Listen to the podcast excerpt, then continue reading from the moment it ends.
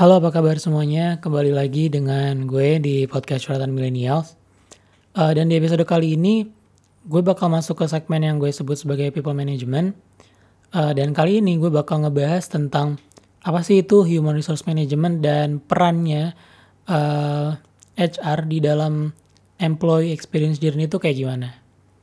Nah, sebenarnya tujuan gue bikin episode kali ini itu sebenarnya lebih ke uh, gue pengen mungkin kalau ada orang-orang di luar sana yang berminat atau ter tertarik atau punya mimpi untuk masuk ke dunia HR supaya mereka nanti bisa supaya lo pada bisa dapat gambaran lebih jelas lah tentang nanti itu di HR tuh bakal kayak ngapain sih kerjaannya gitu. Um, dan gue tuh bakal ngejelasin juga tentang yang disebut tadi gue bilang adalah employee experience journey. Nah, uh, mungkin kebanyakan dari orang-orang yang memang belum terjun ke dunia profesional, belum ke dunia kerja, berpikiran bahwa atau bahkan yang udah di dunia kerja pun mungkin masih berpikiran kayak gini, berpikiran bahwa HR itu tugasnya adalah hanya sebatas rekrutmen atau nge-hire orang dan juga training. Tapi sebenarnya tugas HR itu jauh lebih luas dan jauh lebih besar daripada itu. Ada banyak hal yang dilakukan HR dan gak cuma berhenti di proses rekrutmen dan juga training. So, di sini gue pengen nge-breakdown itu satu-satu gitu di dalam kategori yang gue bilang tadi, employee experience journey. Employee experience journey sendiri itu pada dasarnya adalah a journey atau tahapan yang bakal lewatin ketika lo menjadi seorang karyawan di suatu perusahaan gitu dari awal sampai akhir. Nah, di HR itu punya peran yang sangat signifikan di journey para karyawan tersebut dan gue pengen ngejelasin perannya apa aja. Um, tapi gue bakal mulai dulu dari penjelasan tentang apa sih sebenarnya human resource management um, dan mungkin istilah-istilah lainnya. Jadi stay tune terus di podcast ini kalau lo mau dengerin lebih tentang human resource management.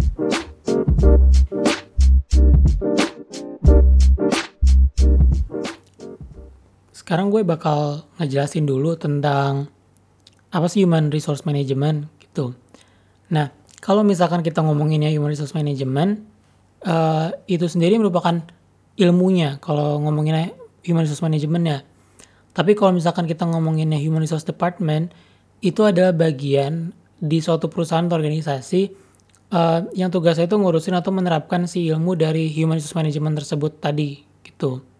Pada dasarnya, um, human resource management kalau ngomongin definisinya secara singkat adalah ilmu yang ngebahas atau mempelajari tentang bagaimana sih suatu perusahaan atau organisasi itu harus uh, mengelola atau memanage sumber daya manusia yang dimiliki. Nah, proses manage-nya itu mulai dari rekrutmen sampai ke proses retirement-nya mereka. Jadi prosesnya panjang. Gak cuman rekrutmen doang atau training doang. Jadi panjang prosesnya dari rekrutmen sampai uh, retirement mereka. Nah, sekarang di dunia kerja itu juga istilah-istilahnya terkait dengan dunia HR ini tuh udah mulai banyak gitu. Nggak cuman sebutannya nggak cuman human resource doang. Uh, bahkan ada istilah yang muncul itu juga ada yang pakai istilah human capital gitu. Nah di prakteknya human capital dan human resource management ini tuh dianggap satu yang sama gitu.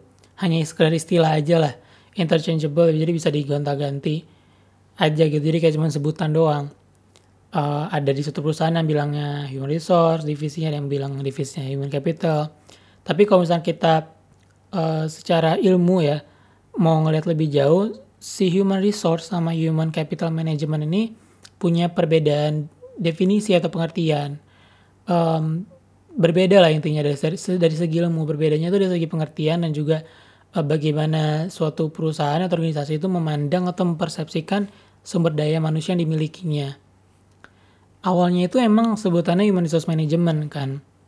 Di mana human resource management ini secara ilmu uh, menjelaskan bahwa suatu organisasi atau perusahaan melihat manusia di dalamnya itu sebagai suatu sumber daya uh, atau uh, cara atau effort yang bisa digunakan untuk perusahaan atau organisasi mencapai suatu tujuan tertentu gitu. Jadi kayak ini resource-nya lah, uh, sumber tenaganya untuk op perusahaan itu bisa berjalan. Nah, perkembangannya um, masuklah istilah yang disebut dengan human capital management. human capital management sendiri menjelaskan bahwa suatu organisasi itu melihat manusia atau mempersepsikan manusia ini uh, sebagai suatu aset atau capital atau modal gitu yang harus dijaga dan dikembangkan. Kuncinya di sini. Jadi nggak cuma dipakai, tapi harus dijaga dan dikembangkan. Nah, persepsinya ini mulai berubah. Jadi, di human capital management menganggap bahwa manusia yang bekerja di perusahaan itu ada aset. Aset itu kan berarti sesuatu yang berharga dan bisa berkembang. Nilainya bisa bertambah terus. Itulah manusia di sisi uh, dari perspektif human capital management. Walaupun uh, pada prakteknya sekarang, ya itu cuma jadi istilah aja. Nah, cuman kalau dari segi ilmu pengertiannya itu sebenarnya berbeda, punya punya pengertian sendiri lah gitu. Yang beda kan tadi di sudut pandangnya. Nah, selain human capital management, sekarang ini sebenarnya ada yang disebut dengan human experience management. Cuman gue rasa kayaknya nggak semua orang um, apa ya tahu atau mungkin uh, dengar soal ini. Mungkin ada beberapa, mungkin ada juga yang enggak. Uh, human experience management sebutannya atau uh, singkatannya HXM. Nah, di human experience management ini, prinsip ilmunya adalah organisasi atau perusahaan mencoba melihat dan menilai manusia di dalamnya itu sebagai bisa dibilang sebagai core atau inti atau pusat dari bisnis mereka. Jadi nggak lagi jadi aset atau capital. Jadi bisnis kita berputar di people-nya kita sendiri. Maksudnya gimana? Jadi people atau human di dalam perusahaan organisasi itu menjadi uh, hal yang paling penting bagi perusahaan tersebut gitu. Dan perusahaan akan berusaha agar experience yang didapetin sama employee-nya itu bisa terasa dengan baik. Dan apa pun keputusan strategis yang diambil perusahaan harus berdasarkan pada bisa dibilang apa ya um, kepentingan dari people di dalamnya lah mungkin. Jadi harus berdasarkan pada people-nya ini juga. Jadi people ini akan jadi alasan suatu perusahaan untuk mengambil suatu keputusan tertentu. Jadi ibaratnya nilai value-nya people di dunia HXM ini atau Human Experience Management ini udah naik gitu. Karena yang paling penting adalah experience didapetin sama people-nya. Kenapa? Uh, mungkin kita dulu suka ngelihat beberapa uh, fokus-fokus bisnis tuh suka berubah dari dulu kan. Mulai dari bisnis fokus, terus berubah menjadi um, mungkin ada ya berubah menjadi produk fokus, terus menjadi customer focus dan sekarang bisnis itu menjadi uh, people focus. Beberapa yang sudah mulai modern itu menganggap bisnis itu people focus. Maksudnya apa? Jadi uh, the, the organization and the company believes that people is always the center of their business gitu. Jadi uh, yang gue pelajarin dulu adalah good people itu bakal bisa ngeproduksi uh, will create will be able to create good product. And good product will be able to gain good customer. Good customer will be able to get a good apa ya profit. Dan good profit bakal dapetin another good investor. Jadi siklusnya ber, berputar di situ. Dan dan uh, people itu jadi center atau uh, titik utama dari siklus tersebut nah di situlah kunci dari ilmu uh, human experience management. Nah, cuman kalau ngomongin soal istilah yang dipakai sama perusahaan itu sekarang udah banyak uh, istilah divisi ya. Uh, ada yang sebutnya HR, ada yang sebutnya HC atau human capital, ada yang sebut operation, ada yang sebut sebut sebut people management, ada yang sebut talent management dan banyak lain istilah-istilah yang dibuat yang sesuaikan sama jadi value-value dari perusahaan mereka masing-masing. Nah, HR sendiri uh, berperan penting. Um, ya di episode kali ini gue bakal ngomongnya HR aja biar nggak terlalu bingung. Uh, HR sendiri berperan penting dalam membangun uh, suatu journey yang disebut sebagai employee experience journey um, yang baik gitu kepada para people di perusahaannya. Um, supaya uh, si orang-orang atau karyawan-karyawan ini nantinya bisa mendapatkan uh, pengalaman menarik yang harapannya adalah mereka akan retain atau bertahan di company tersebut. Nah, HR tuh punya peran penting dalam ngebangun journey-nya mereka. Gitu. Nah, jadi um, setelah ini, setelah gue jelasin tentang human resource management, gue bakal ngejelasin tentang si employee experience journey ini kayak apa. Terus uh, peran HR itu sebenarnya kayak gimana dari setiap tahapan journey-nya mereka. So, jangan ke mana-mana, gue bakal balik lagi untuk ngejelasin soal employee experience journey.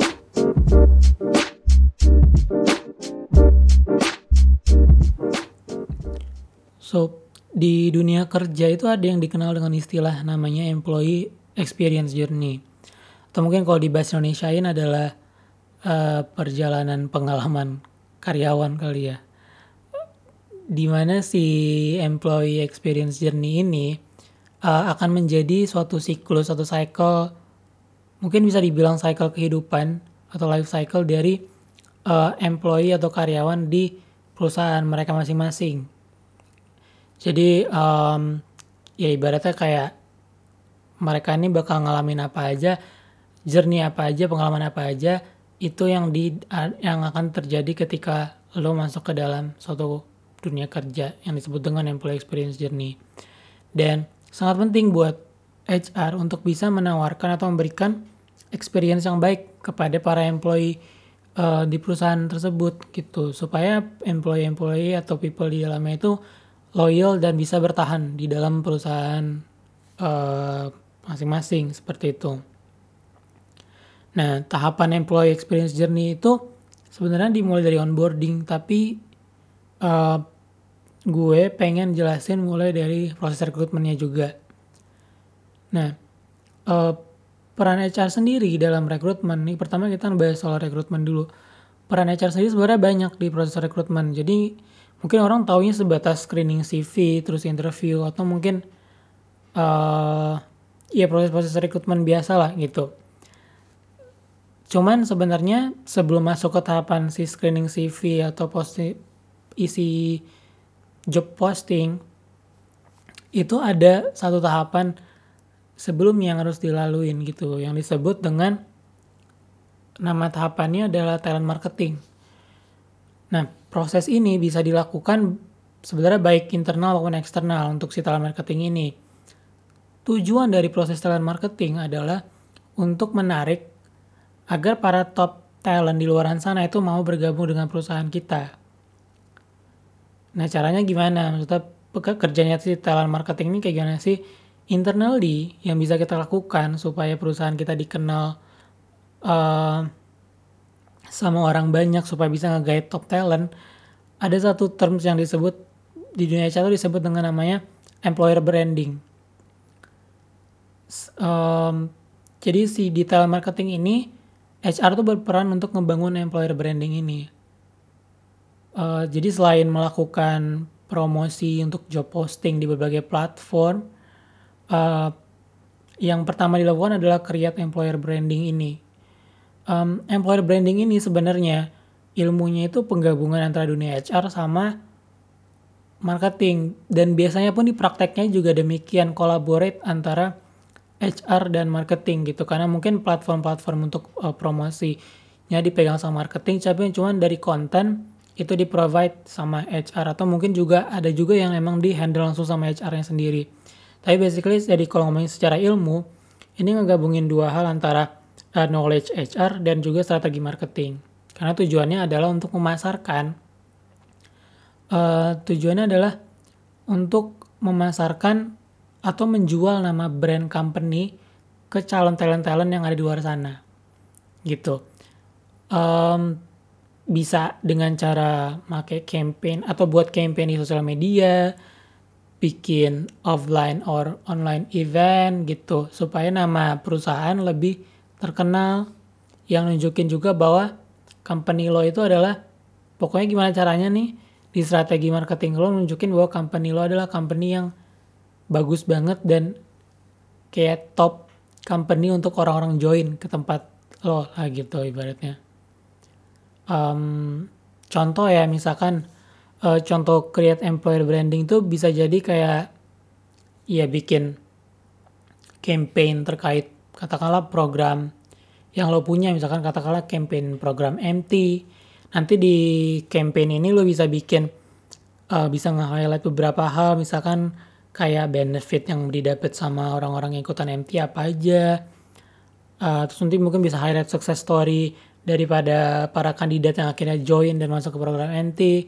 Atau mungkin juga bisa juga nge-highlight employee-employee lain yang mau berbagi cerita mereka di role mereka masing-masing. Nah biasanya uh, this kind of campaign ini yang bakal ngebangun employer branding yang akhirnya akan tersampaikan kepada calon-calon top talent di luar sana supaya mereka akhirnya bisa dapat gambaran dan tahu juga bahwa oh uh, ternyata kerja di company ini tuh kayak gini. Ternyata orang-orang di company ini tuh cara berpikirnya seperti ini. Ternyata company ini, ini bisa ngasih value ini loh ke orang-orang tersebut. Nah itu tergambar tergambar tergambar dari campaign-campaign yang dilakukan sama uh, eh, HR yang menghandle bagian employer branding tersebut. Nah jadi itulah tahapan awal sebelum kita mulai ngerekrut. Supaya kita dapat kandidat, kita harus ngelakuin si talent marketing ini. Setelah talent marketing ini selesai, barulah kita masuk ke tahapan disebut dengan talent acquisition. Nah inilah di tahapan di mana ya mungkin orang-orang pada tahu lebih paham, pada paham udah tahu di mana HR itu mulai melakukan seleksi, seleksi dari kandidat yang udah apply uh, ke posisi yang kita buka gitu. Tahapan seleksinya macam-macam. Um, ada yang cuma interview doang, ada yang ada tes dulu dan segala macam. Dan sebenarnya terkait dengan rekrutmen proses ini gue pernah bahas di beberapa episode ke belakang, yaitu gue ngebahas tentang proses rekrutmen MT gitu. Ini adalah salah satu contoh talent acquisition yang dilakukan oleh HR. Jadi kalau misalkan lo pengen tahu MT-nya kayak gimana, lo coba deh cek uh, episode dua episode ke belakang gue jelasin tentang program MT. Terus once lo udah keterima dan sign kontrak gitu ya, uh, lo akan masuk ke tahapan yang disebut dengan onboarding.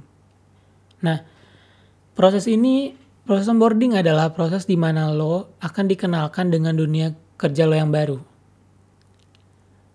Di sini peran HR adalah uh, lebih untuk mengassist uh, atau ngefasilitate the whole onboarding process. Biasanya tuh proses ini disebut sebagai induction di beberapa perusahaan. Dan biasanya di hari pertama, um, nah gini, biasanya untuk induction atau onboarding ini sistemnya ada macam-macam. Ada yang satu hari full, ada yang cuma setengah hari, ada yang dibikin beberapa set. Jadi uh, onboarding prosesnya nggak selesai di satu hari, bisa di dua atau tiga hari um, buat gue pribadi uh, gue lebih prefer onboarding yang berkesan sih.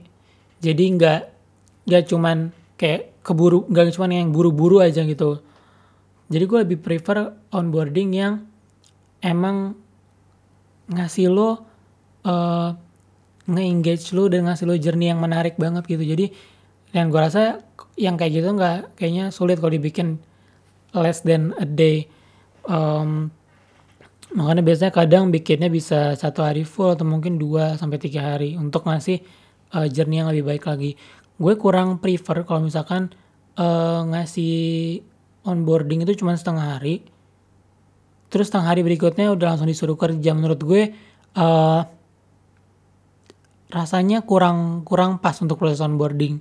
Uh, butuh waktu penyesuaian untuk si anak barunya ini juga gitu untuk pace kerja dan segala macam jadi dan kalaupun mau langsung disuruh kerja ya mau mau kerja apa juga gitu. Orang masih hari pertama tentunya mereka harus belajar dari ritme kerja uh, prosedur dan segala macam just butuh waktu sih menurut gue nah um, jadi di balik lagi ngomongin soal onboarding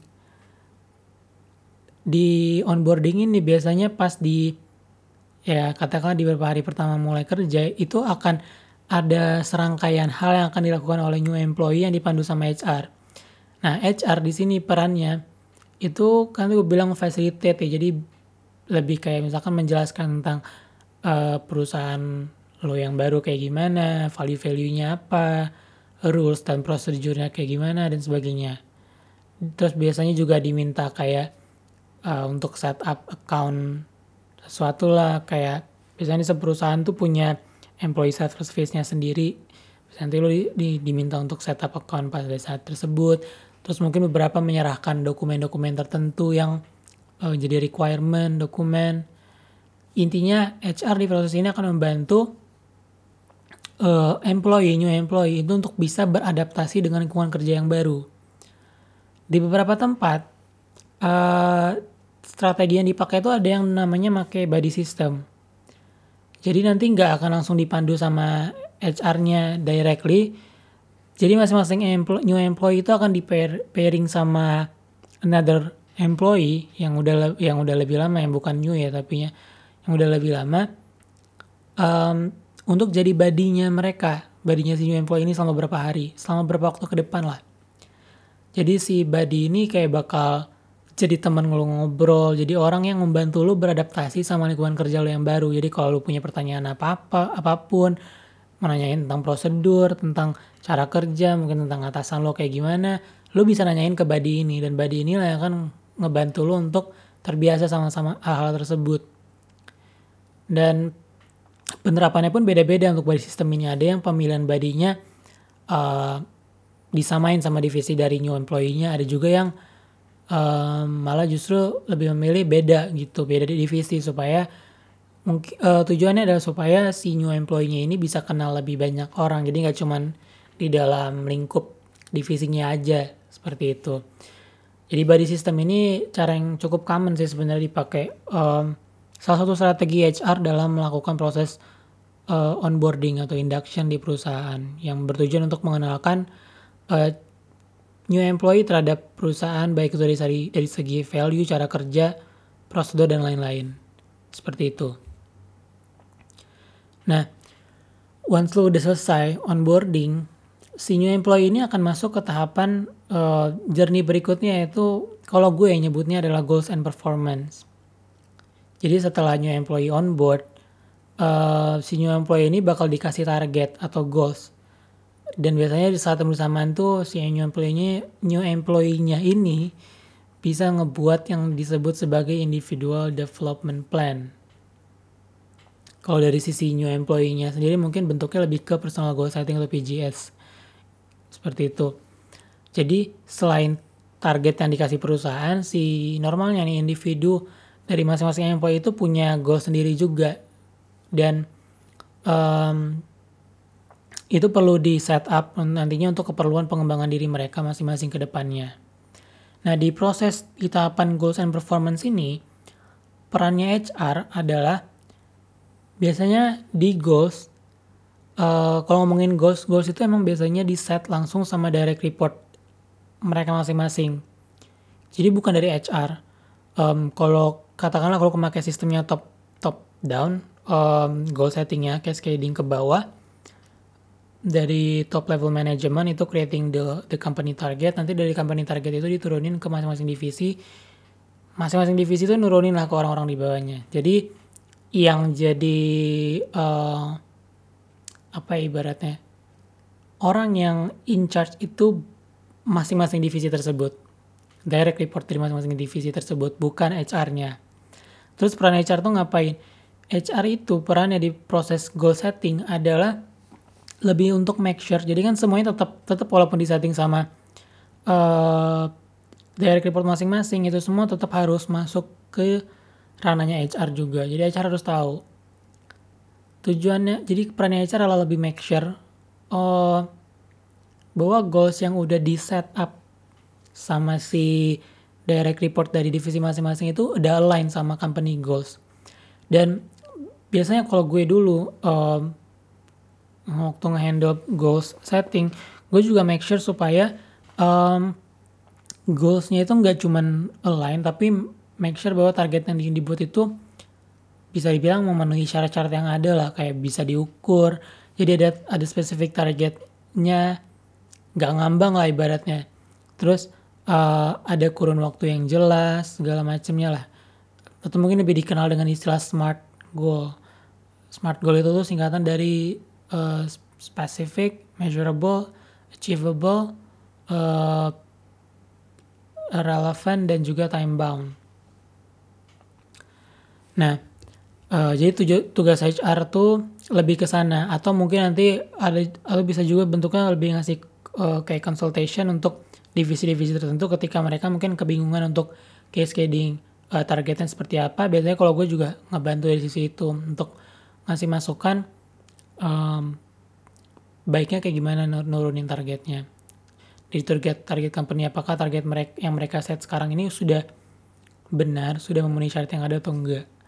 Jadi uh, perannya HR di situ dan biasanya juga jadi mediator misalkan kalau misalkan dari employee merasa ada keberatan dengan goals tersebut karena satu atau dua hal itu bisa aja terjadi dan itu boleh gitu bukan nggak boleh nah tapi HR tuh situ jadi uh, kayak berarti mediator lagi untuk cari titik tengah supaya sama-sama ada win-win solutionnya supaya targetnya ini tuh benar-benar pas sesuai untuk si um, individu tersebut.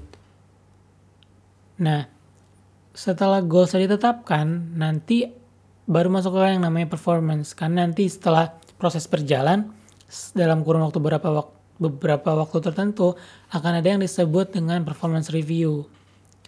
Um, dan pelaksanaan performance review sendiri uh, kurun waktunya itu beda-beda tergantung sama perusahaan masing-masing. Ada yang uh, ada yang katakanlah per quarter, ada yang per uh, semester. Jadi setahun dua kali ada yang cuma sekali setahun doang. Jadi setiap perusahaan itu punya um, peraturannya masing-masing lah. Nah perannya HR nanti di dalam performance review ini adalah HR itu lebih berperan untuk di awal menentukan parameter apa yang akan diukur nantinya pada saat proses performance review. Karena biasanya di praktek di perusahaan um, ya mungkin bukan HR-nya langsung yang mutusin tapi HR tuh biasa jadi uh, apa ya orang yang um, tentunya yang bakal approve atau enggak tentunya dari manajemen tapi HR biasanya akan nge-propose beberapa possible way of doing the performance review. Nah, uh, biasanya proses performance review, performance review itu enggak cuma menilai secara kuantitatif dari pencapaian target gitu. Jadi nggak cuma nilai, eh, lo achieve target berapa, achieve target 100% atau enggak, nggak cuma itu doang yang dinilai. Uh, biasanya itu selain penilaian kuantitatif, ada penilaian yang bentuknya kualitatif gitu. Dan ini udah praktek yang uh, banyak terjadi gitu ber, dan terus berkembang dan terus berkembang penilaian kualitatifnya itu uh, bentuknya ada yang seperti penilaian berbasis kompetensi baik yang self assessment maupun yang 360 feedback. Uh, self assessment itu maksudnya uh, ya menilai diri sendiri berdasarkan kompetensi yang ada.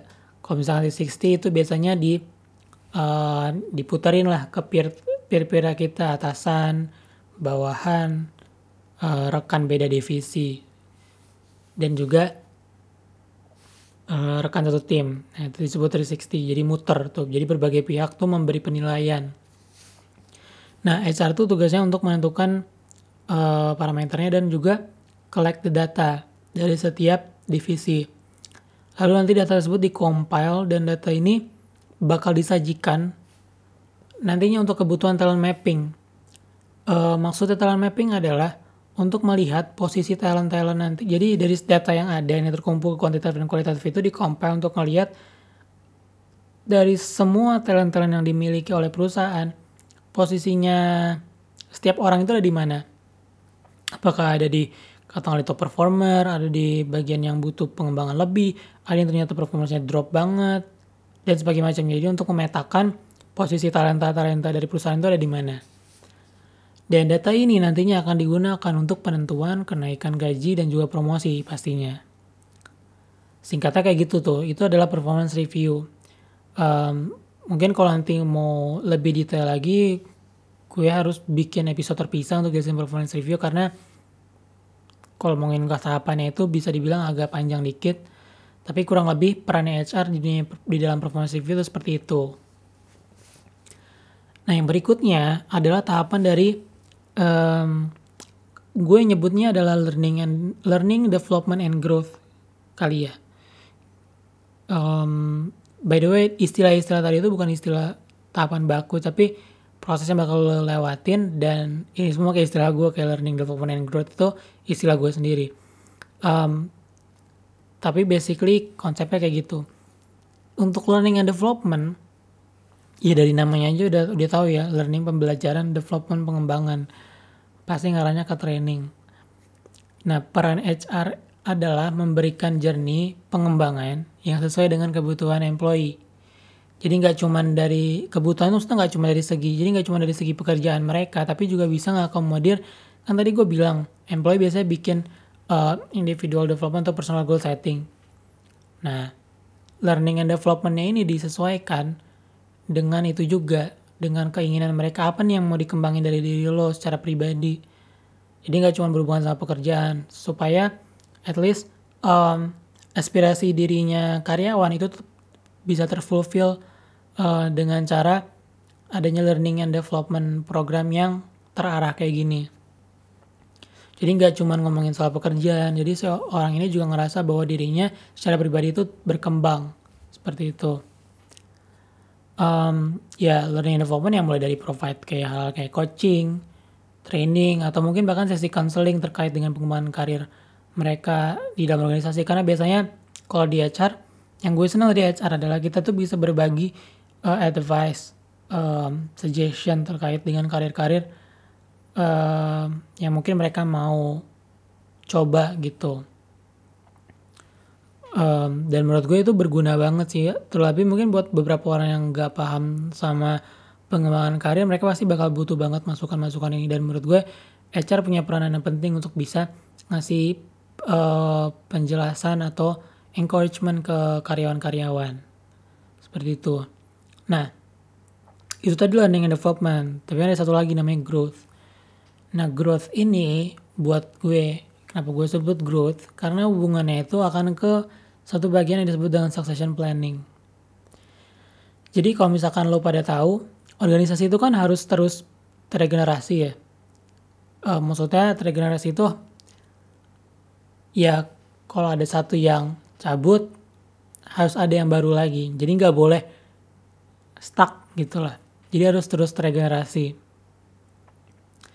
Dan sebenarnya memang nggak terlalu wise juga nih kalau seseorang menempati satu posisi itu terlalu lama. Jadi uh, baiknya perusahaan itu orang itu tuh selalu bisa bergerak terus in terms of pekerjaan mereka. Jadi nggak nempatin satu posisi atau pekerjaan yang itu-itu aja dalam waktu yang lama supaya mereka tetap berkembang juga dirinya makanya kan tiba-tiba di posisi kayak BOD gitu biasanya ada kurun waktu masa jabatannya tuh nggak bisa nggak bisa selama lamanya dan di level yang bawah level-level yang bawah juga sebaiknya gitu. Walaupun ya prakteknya mungkin masih ada beberapa perusahaan yang ya gue nggak tahu entah karena memang dari segi um, regenerasinya kurang atau gimana. Jadi mereka tuh banyak yang mandek di satu posisi itu aja. Untuk waktu yang lama banget bisa lima bahkan lebih 5 sampai ya 5 tahun lebih gitu. Karena menurut gue um, gak baiknya adalah ketika lo berada di posisi-posisi untuk waktu yang lama, yang gue takutkan adalah uh, lo akan stuck di posisi itu dan tidak ada perkembangan lebih jauh, lebih lebih jauh lagi, baik itu in terms of skill maupun diri lo secara pribadi gitu. Um, yang pada akhirnya nantinya akan mempengaruhi performance juga. Dan akan mempengaruhi apakah nantinya performa lo masih relevan dengan kebutuhan zaman sekarang atau enggak karena lo nggak terdevelop lo nggak terekspos dengan hal lain juga. Hanya di bagian yang itu itu aja nah um, peran HR nantinya di bagian succession planning ini di bagian growth ini itu memastikan supaya regenerasi itu terjadi. Caranya gimana? Biasanya uh, biasanya uh, kita di HR itu bakal kayak siapin uh, requirement lah dari masing-masing job role. Kayak skill apa aja yang uh, jadi requirement di job role tersebut, kompetensi apa aja yang harus dimiliki di job role tersebut dan sebagainya macamnya. Nah, tujuan tadinya dari si LND tadi learning and development yang tadi itu tuh sebenarnya supaya skill set sama kompetensi setiap employee itu terus berkembang dan pada akhirnya mereka itu bisa menempati karir atau posisi yang terus bergerak maju lagi gitu karena setiap level tentunya set apa skill set dan kompetensi levelnya akan terus meningkat meningkat meningkat dan mungkin berubah berubah berubah. Jadi make sure supaya tugasnya cara make sure supaya employee-employee ini bisa bergerak ke arah sana gitu dengan memprovide training-training tersebut tadi. Dan um, dari skill set dan kompetensi yang si employee ini punya HR itu harus nge-mapping itu semua gitu. Dipetakan apa aja yang si A punya yang si B punya. Dan nanti dicocokin lah ibaratnya sama masing-masing job role yang ada. Si A ini udah cocok belum untuk masuk ke posisi level ini? Si B ini udah cocok belum untuk masuk ke posisi ini? Kalau udah, berarti dia bisa masuk. Kalau belum, berarti dia harus di skill ulang, di retrain ulang, e, diberi e, tantangan baru lagi di dalam pekerjaannya supaya skillnya dia di bidang di dalam hal tersebut tuh um, bertambah. Jadi dia bisa melanjutkan ke posisi berikutnya. Uh, jadi misal nih, contohnya katakanlah ada satu posisi yang kosong, um, mungkin karena resign atau re retired orangnya, pensiun, katakanlah manager levelnya.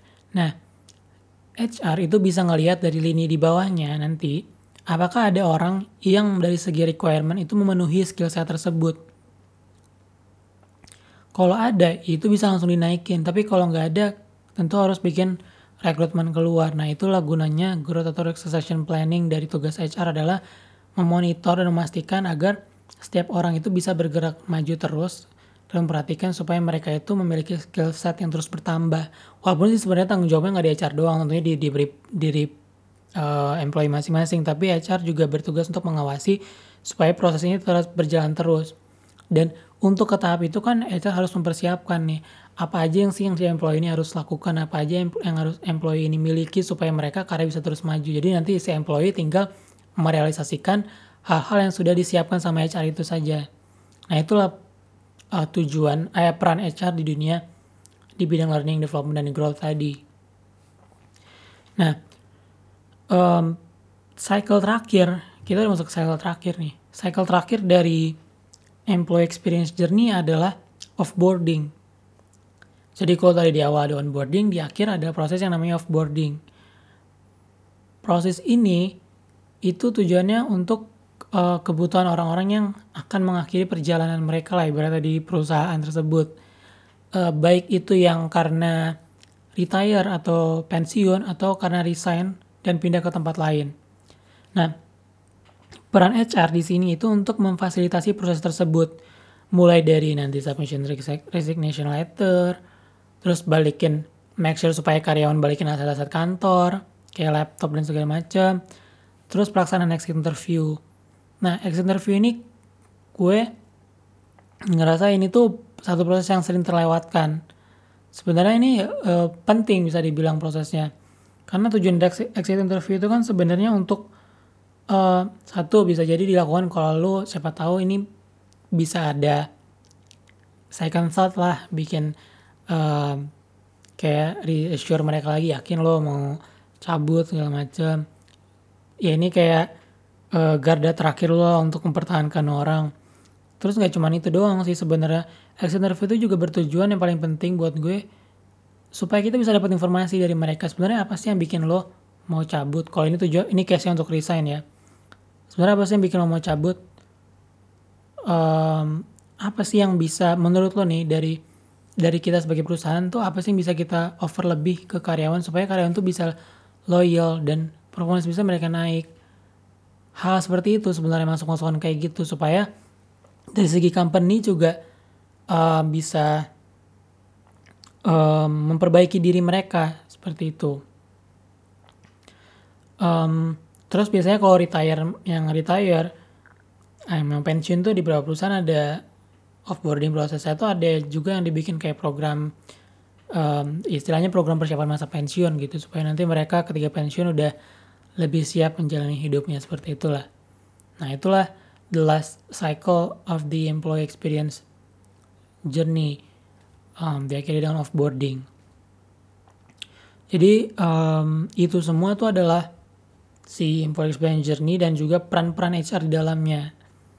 Nah cuman tenang aja nih buat kalian yang tertarik dan pengen masuk dunia HR, uh, dari sekian banyak employee experience journey tadi bukan berarti lo satu orang harus handle itu semuanya. Biasanya secara struktur di perusahaan HR itu dibagi-bagi sih per tahapan prosesnya ada yang ngurusin rekrutmen, employee branding, ada yang ngurusin goals and performance, ada yang ngurusin learning and development dan sebagainya macamnya. Tapi memang sih ada beberapa juga yang kadang sifatnya itu generalis, jadi di expect untuk bisa handle banyak hal. Tapi biasanya kalau kayak gitu nggak mungkin cuma sendiri juga. Pastinya ada beberapa orang di, di bagian yang sama. Seperti itu. Um, dan gue harap sih dengan penjelasan gue tadi bisa kasih kalian gambaran lebih jelas ya tentang uh, terutama tentang role mana yang mungkin lebih cocok buat kalian. Jadi di awal karir kalian tuh bisa fokus untuk memulai dari titik itu terdulu sambil nanti yang pelajari bagian HR yang lain. Ya, gue rasa segitu aja dari gue di episode kali ini. Um, semoga bermanfaat banyak untuk, uh, dari kontennya dan tentunya gue bakal balik lagi dengan uh, topik-topik yang berguna dan bermanfaat lainnya. So, sampai ketemu lagi di episode berikutnya dari podcast Curhatan Millennials. Thank you.